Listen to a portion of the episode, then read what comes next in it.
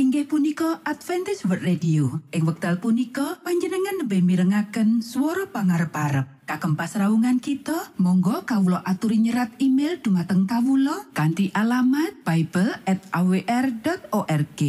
utawi panjenengan uki saged layanan kalian Kawulo lumantar WhatsApp kanti nomor plus setunggal saged layanan kalian Kawulo kalh kalh sekawan kalh kalh kalh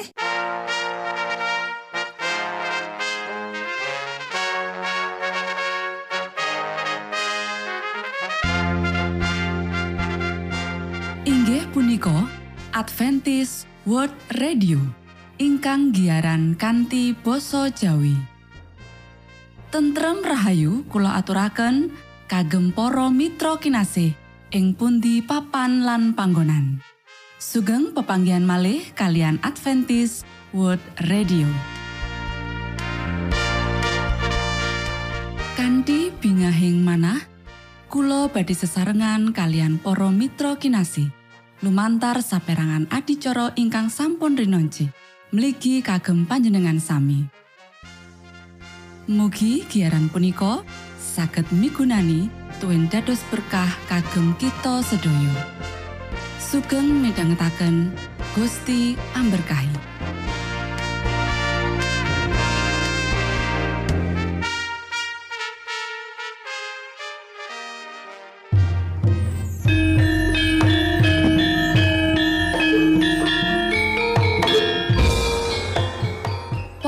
Para pamirsa kinasih ing Gusti Yesus Kristus. Ing wekdal punika kita badhe sesarengan ing adicara ruang kesehatan. Ingkang saestu migunani kagem panjenengan saha kita sami. Tips utawi pitedah ingkang dipun aturaken ing program punika tetales dawuhipun Gusti ingkang dipunnyatakaken ing kitab suci. Semanten ugi sakehing seratan ingkang dipun wangsitaken dening Gusti Allah. Nanging saderengipun, monggo kita sami midhangetaken kidung pujian.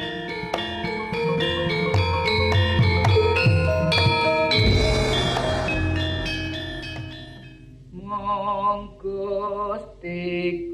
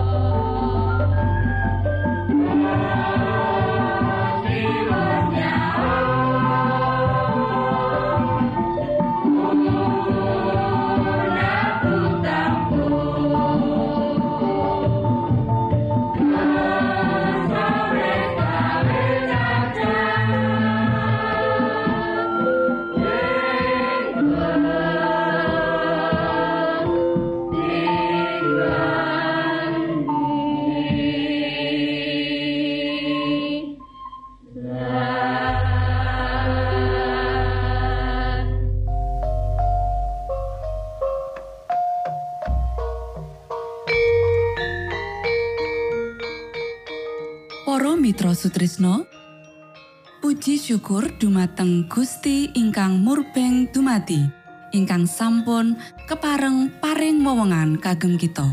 Satemah saged nglajengaken ruang kesehatan. Pirembakan kita semangke kanthi irah-irahan. Ganjaran kesabaran.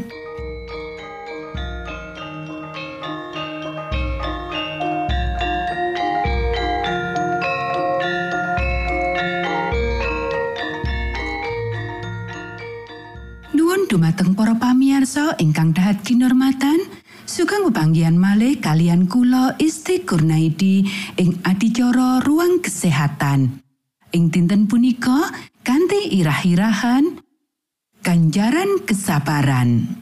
Para sedherek ingkang kinasih, menawa manungsa nguasani diri lantara ing kabeh bab, tutu kanggo goleki makutha sing bakal musno dadi ganjaran ambisine, saipa luwih wigati kutune dheweke gelem nyingkur diri, ya iku dheweke sing ngaku goleki tutu mung sawijining makutha kamulyan sing langgeng, nanging uga sawijining panguripan saklawase dampari Gusti ana.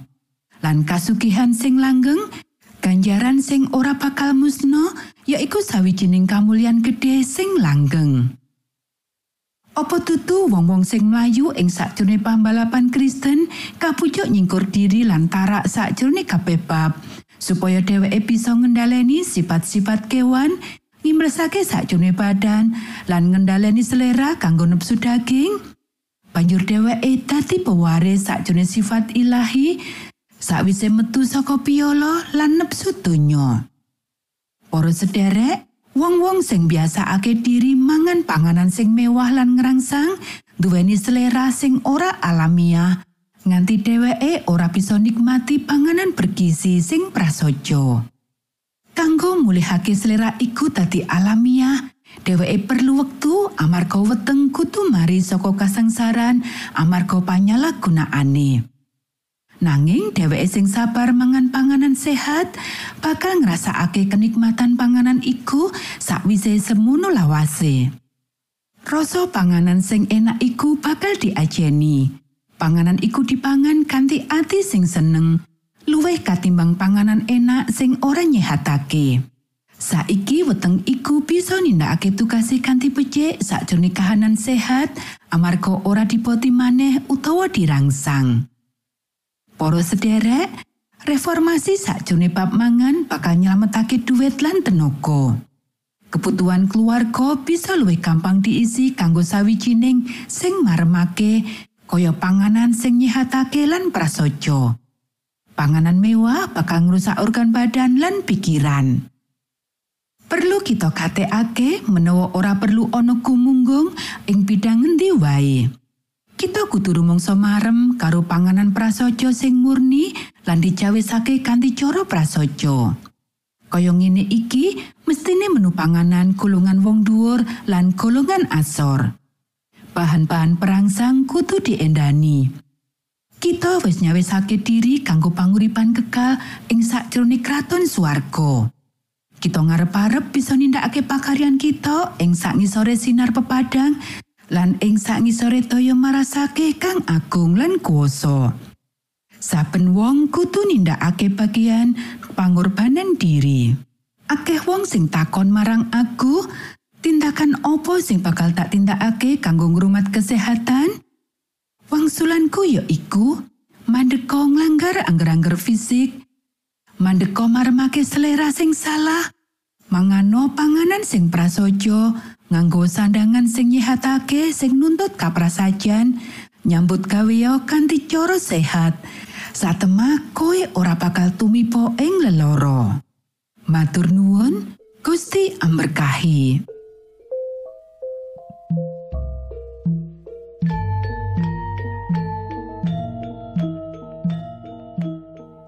Cekap semanten pimbakan ruang kesehatan ing episode dinten punika. Ugi sampun kuatos jalaran kita badhe pinanggih malih ing episode sak lajengipun.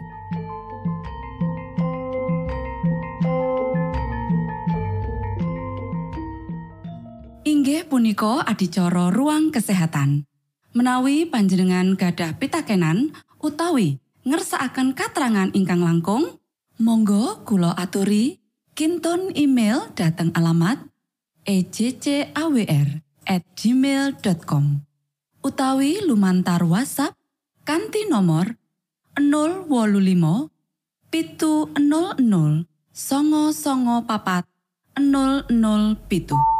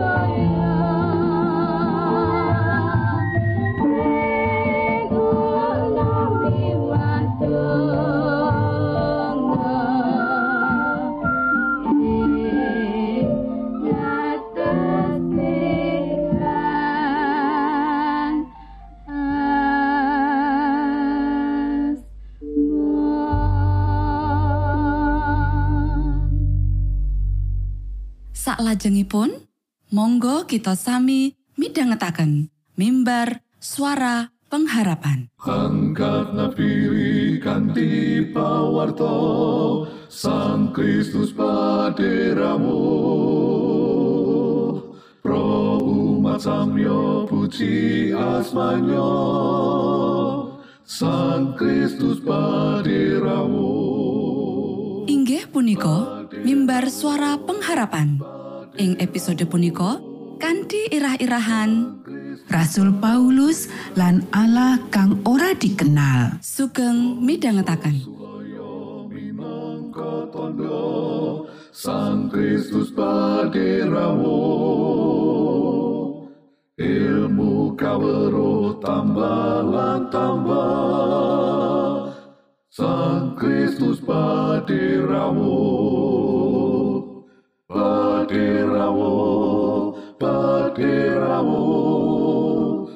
Sang Kristus paderamu Shalom para pamirsa ingkang kinasih wonten ing Gusti. Sakmenika kita badhe midhangetaken renungan Sabda pangantikanipun Gusti. Ing dinten punika kanthi irah-irahan Rasul Paulus lan Allah kang ora dikenal. Para sedherek ingkang kinasih, kita ngatekake menawa Rasul Paulus ora ngremehake agama utawa para panembah brahala kang palsu saka wong Athena iki.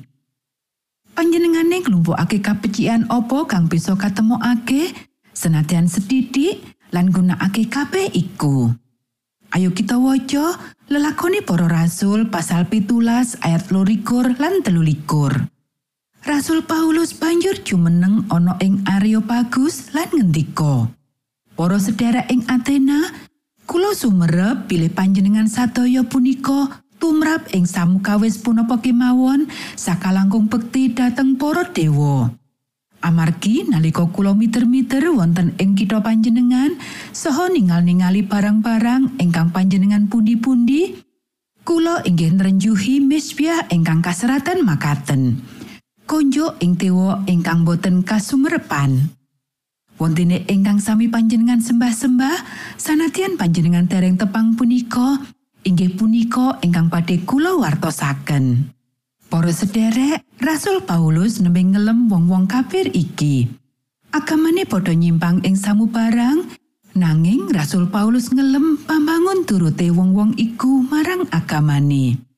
Awit, pambangun turut marang karohanen, senatian wis nyimpang, isih luwih layak kanggo dialembono, tinimbang kang ora peduli bab karohanen babar pisan.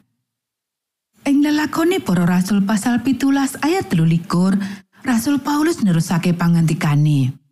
Amargi nalika kula miter-miter wonten ing kutha panjenengan, saha ningal-ningali barang-barang ingkang panjenengan pundi-pundi. Kanthi nggambarake apa kang Rasul Paulus pirsani, saha ukemane lan agamane wong Athena iki, Rasul Paulus nunjukake rasa ngajeni marang wong-wong iku. Panjenengane ora kesusu ngenalake lan ngaku dadi sawijining wong kang ahli kanthi sekabehe wangsulan bab piye wong-wong iku kudu malih. Panjen ing kasunyatane panjenengane sawijining wong kang ahli lan duweni wangsulan kang dibutuhake dening wong-wong iki. Nanging panjenengane ora ngatonake awake dhewe yen ora panjenengane bakal langsung katampik. Kosok wangsule panjenengane katon dadi wong kang peduli marang wong-wong iki lan ngarepake kapecikane wong-wong iki.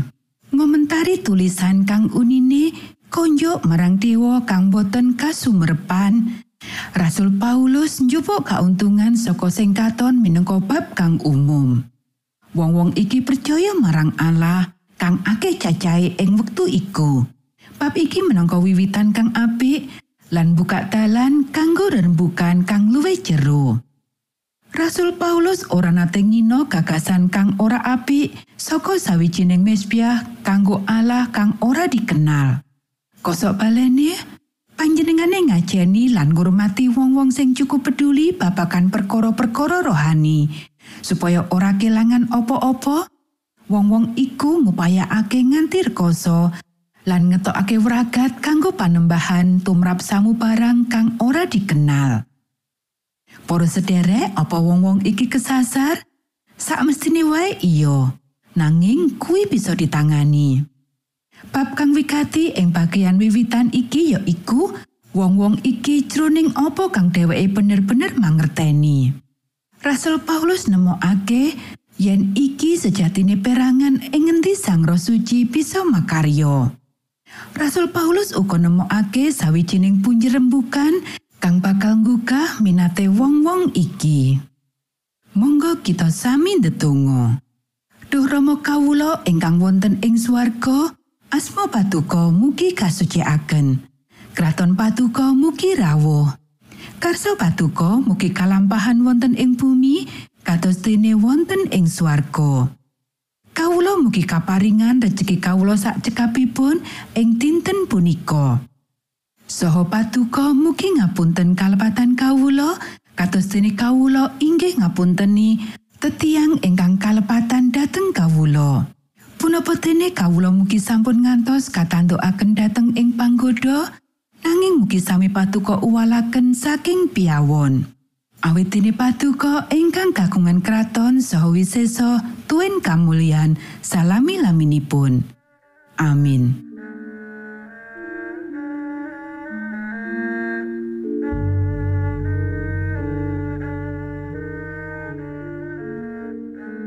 Para Mitra Sutrisno pamiarsa kinasih ing Gusti Yesus Kristus. Sampun paripurno pasamuan kita ing dinten punika. Menawi panjenengan gadah pitakenan utawi ngersakaken seri pelajaran Alkitab suara nubuatan Monggo Kulo aturi kinton email dateng alamat ejcawr gmail.com utawi lumantar WhatsApp kanti nomor 025 pitu 00 songo songo papat 00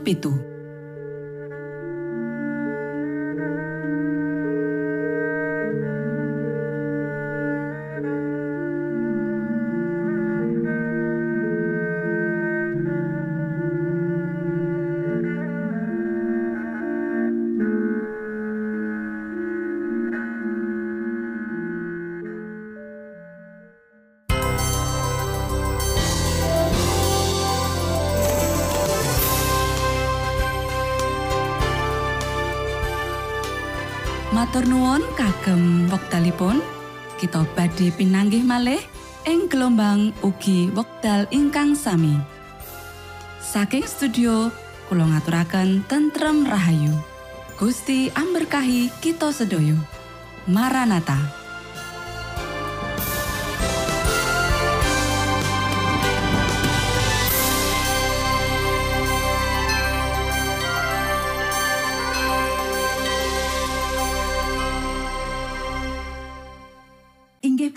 Adventist World Radio. Ing wekdal punika panjenengan lebih mirengaken swara pangarep-arep. Kagem pasraungan kita, monggo kawula aturi nyerat email dumateng kawula kanthi alamat bible@awr.org. Utawi panjenengan ugi saged layanan kalian kawula lumantar WhatsApp kanthi nomor plus setunggal saged layanan kalian kawula kalih kalih sekawan kalih kalih kalih